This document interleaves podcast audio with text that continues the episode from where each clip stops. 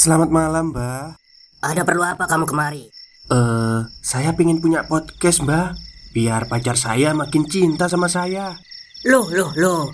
Mau bikin podcast kok tanya dukun? Sekarang kamu download aplikasi Anchor.fm. Di situ kamu bisa buat podcast gratis dan podcast kamu bisa didistribusikan ke platform mana pun. Dan di aplikasi atau website Anchor.fm juga terdapat fitur-fitur yang memudahkan kamu untuk membuat podcast. Oh, gitu ya, Mbak. Kalau gitu, saya boleh minta password wifi-nya, Mbak. Buat apa? Buat download Anchor.fm, Mbak.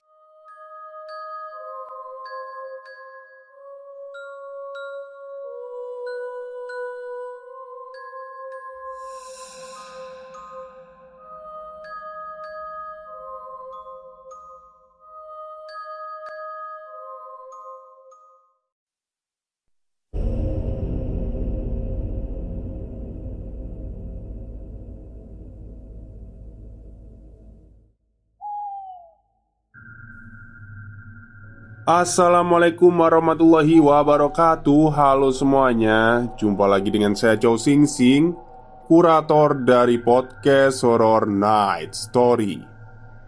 Halo apa kabar semuanya? Semoga kalian semua sehat-sehat ya. Dan seperti biasanya pada malam hari ini Saya kembali dan akan menghadirkan sebuah kisah mistis untuk kalian semua Kisah mistis kali ini saya datangkan lagi dari tweet twitternya Paimoto Yang menceritakan tentang ya pengalaman sewaktu dia masih di desa. Oke, daripada kita berlama-lama Mari kita simak ceritanya. Lagi-lagi ini cerita nyata dari desaku. Jadi tempat kejadian dan nama akan disamarkan. Semoga bisa menghibur dan diambil pelajarannya. Cerita ini terjadi saat aku sudah duduk di bangku kelas 10 SMA. Pagi itu, desa kami heboh karena Kak Mur, salah satu orang terpandang di desa kami melaporkan ke rumah kepala desa bahwa dia mimpi didatangi oleh Wak Wida, tetangganya. Yang membuat heboh adalah dalam mimpi, Kak Mur, Kak Wida ini meminta tolong untuk mencari jasadnya dan disempurnakan. Bukan hanya Kak Rum. Di sini nenekku pun bercerita bahwa dia juga didatangi oleh Wak Rida yang mengatakan hal yang sama. Lalu, Pak Kepala Desa memanggil Yus, anak perempuan dari Wak Rida, dan menceritakan hal tersebut. Yus berkata, "Emak memang pamit pergi ke kebun empat hari yang lalu, tapi memang itu hal yang biasa. Emak biasanya akan kembali ke desa saat hari menimbang getah, hari Selasa nanti." Apakah kamu juga bermimpi didatangi oleh makmu Yus? Tanya Pak Kades. Tidak pak. Saya malah bingung. Kenapa emak malah datang ke mimpinya Kak Mur dan Nek Zani? Hanya saja Memang hati saya terasa gelisah beberapa hari ini. Baiklah Kalau gitu Saya akan menyuruh beberapa orang lelaki Untuk mengecek keadaan makmu di kebun Semoga itu semua hanya bunga tidur untuk Kak Mur dan Nek Zani Kata Pak Kades kemudian. Lalu diutuslah dua orang pemuda Dan bapak-bapak untuk mengecek keadaan Warida di kebunnya Yang berjarak Dua jam berjalan kaki di dalam hutan. Seperti pada cerita mati suri semua warga desa memiliki kebun yang jauh, dan mereka sendirian yang mengolahnya. Keempat orang itu berangkat sekitar jam 8 pagi, dan setelah asyar baru pulang. Mereka menyampaikan hasil pengecekan kebun Warida. Yus yang juga hadir nampak khawatir karena emaknya tidak ikut kembali ke desa bersama rombongan lelaki itu. Kebun Yurida kosong pak Kami bahkan sudah berkeliling ke kebunnya, namun tidak juga menemukan," kata Pak Doh. "Kalau ke kebun terdekat, apa udah dicek juga?" tanya Pak Kades. "Sudah, Pak. Tapi kebun yang terdekat dengan Yuk Rida itu kosong, tidak ada orangnya juga.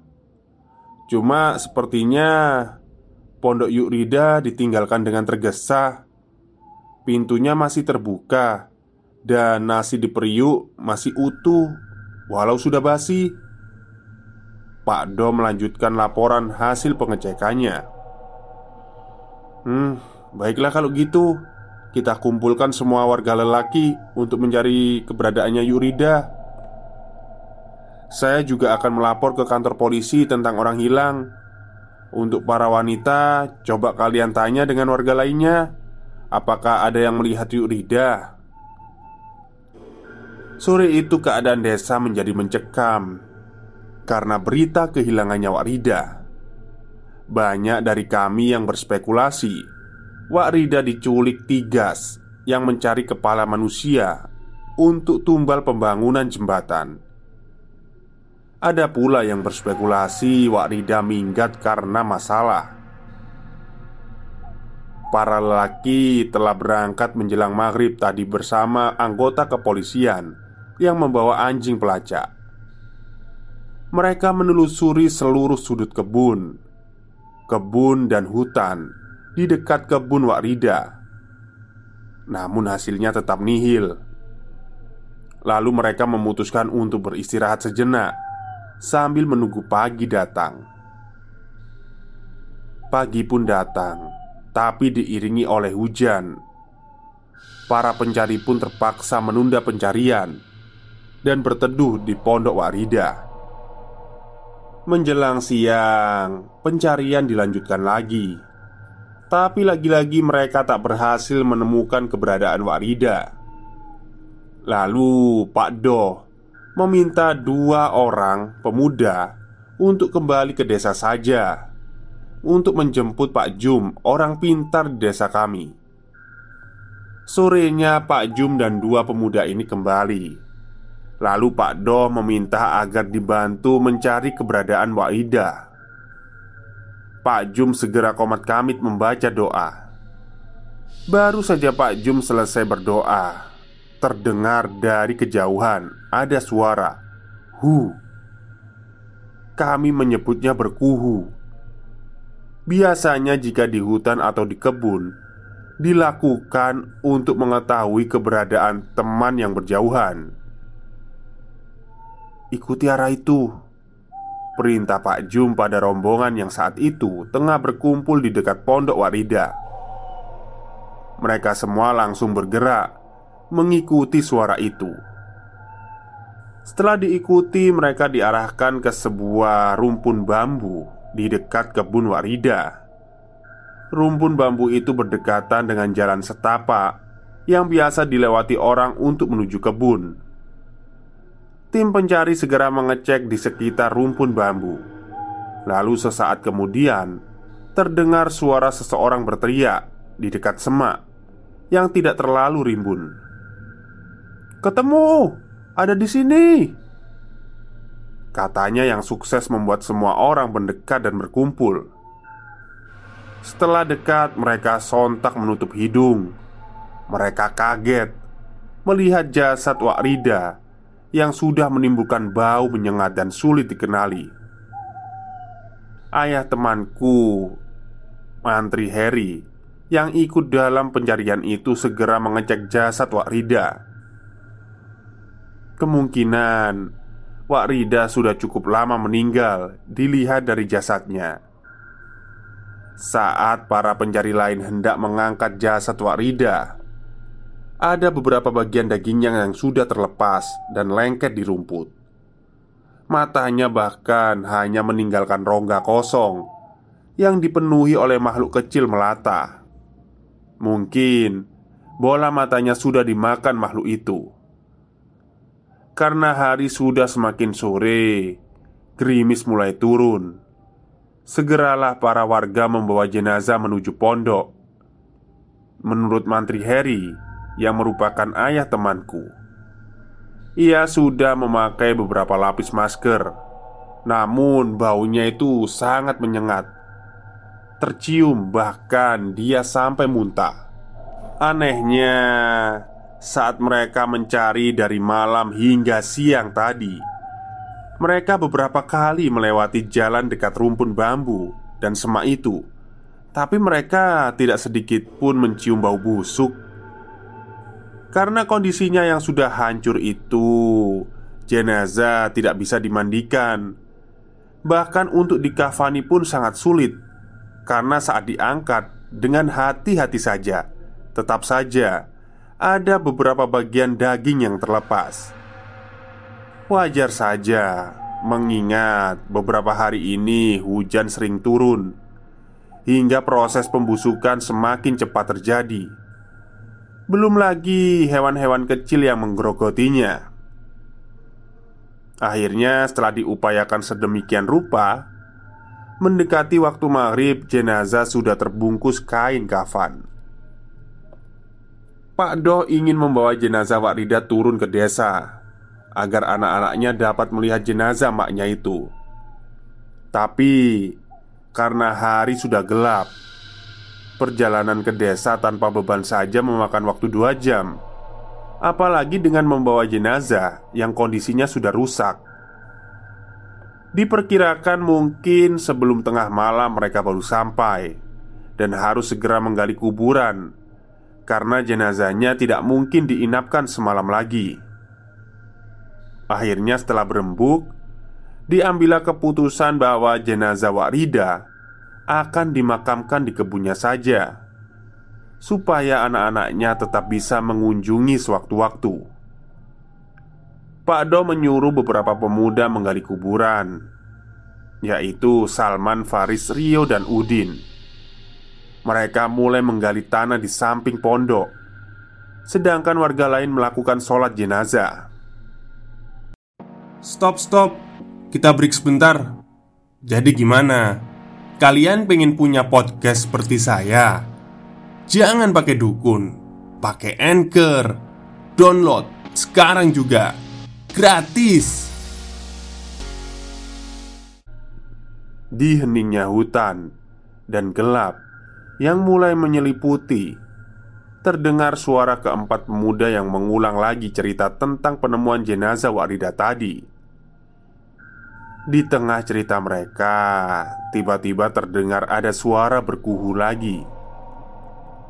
Keempat pemuda itu serentak menghentikan kegiatan mereka Dan saling menatap. Salman Yang memang paling putih di antara keempatnya Makin terlihat pucat saat mereka mencoba mengabaikan hal itu dengan melanjutkan menggali. Lagi-lagi, suara berkuhu itu terdengar lagi. Sontak keempatnya langsung terlari, terbirit-birit meninggalkan lubang kubur yang baru sepinggang mereka gali. Orang-orang yang baru saja selesai menyolatkan Warida dibuat kaget oleh teriakan keempat pemuda itu. Saat ditanyai ada apa, Keempatnya hanya diam saja. Jenazah Wakrida pun dibawa turun dengan hati-hati. Melihat lubang kubur yang masih sebatas pinggang itu Pak Doh lagi-lagi dibuat bingung. Hari kini sudah semakin malam. Jika dilanjutkan menggali Maka akan lebih lama lagi mereka menguburkan Wakrida Karena sebenarnya Pak Doh sendiri sudah merinding dari tadi Akhirnya jenazah Rida dikuburkan dalam lubang sedalam pinggang itu. Setelah lubang ditutup Terdengar lagi ada suara berkuhu Yang membuat mereka Semuanya bergegas kembali ke desa. Sesampainya di desa Yus yang mendengar penuturan Pak Do dan rombongan Hanya bisa menangis pilu. Polisi berkata akan menyelidiki penyebab kematian Warida semua warga kembali ke rumah masing-masing. Suasana desa mendadak menjadi mencekam semenjak kejadian ini. Desa kami yang memang sepi menjadi semakin sepi begitu maghrib datang.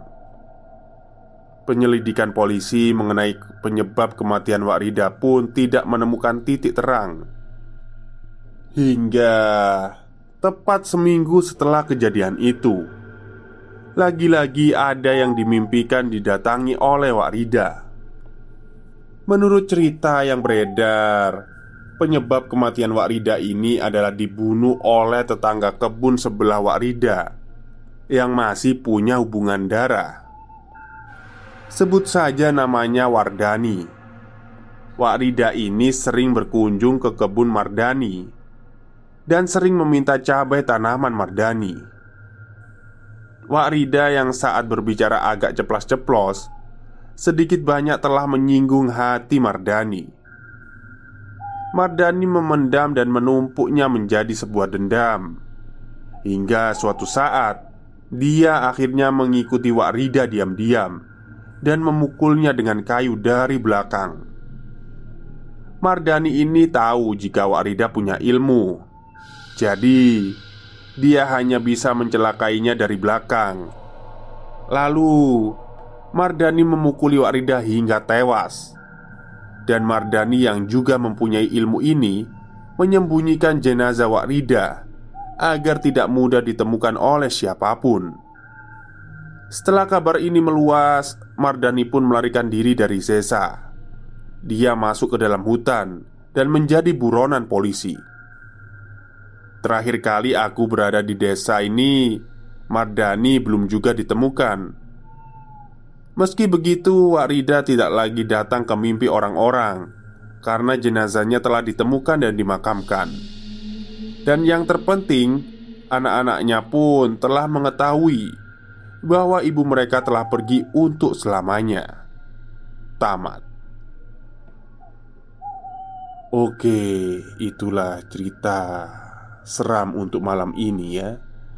Jadi lebih ini ya Suasananya, vibe-nya itu kalau kita berada di desa itu kayaknya mencekam banget lah. Jadi orang dua ini sama-sama punya ilmu. Si mungkin si Wakrida ini punya ilmu apa gitu ya. Jadi kalau misalnya by one gitu adu mekanik itu si Mardani itu kalah jadi dia itu bisanya itu mukul dari belakang lah. Nah Mardani ini juga punya ilmu untuk menyembunyikan jasadnya si Warida ini. Ya makanya lah sekarang itu kalau kita ngobrol itu Kadang kita harus hati-hati ya. Mulutmu harimaumu itu memang benar apa adanya. Jadi kalau nggak bisa berbicara baik mending diem aja. Oke Mungkin itu saja cerita untuk malam ini. Kurang lebihnya saya mohon maaf. Wassalamualaikum warahmatullahi wabarakatuh.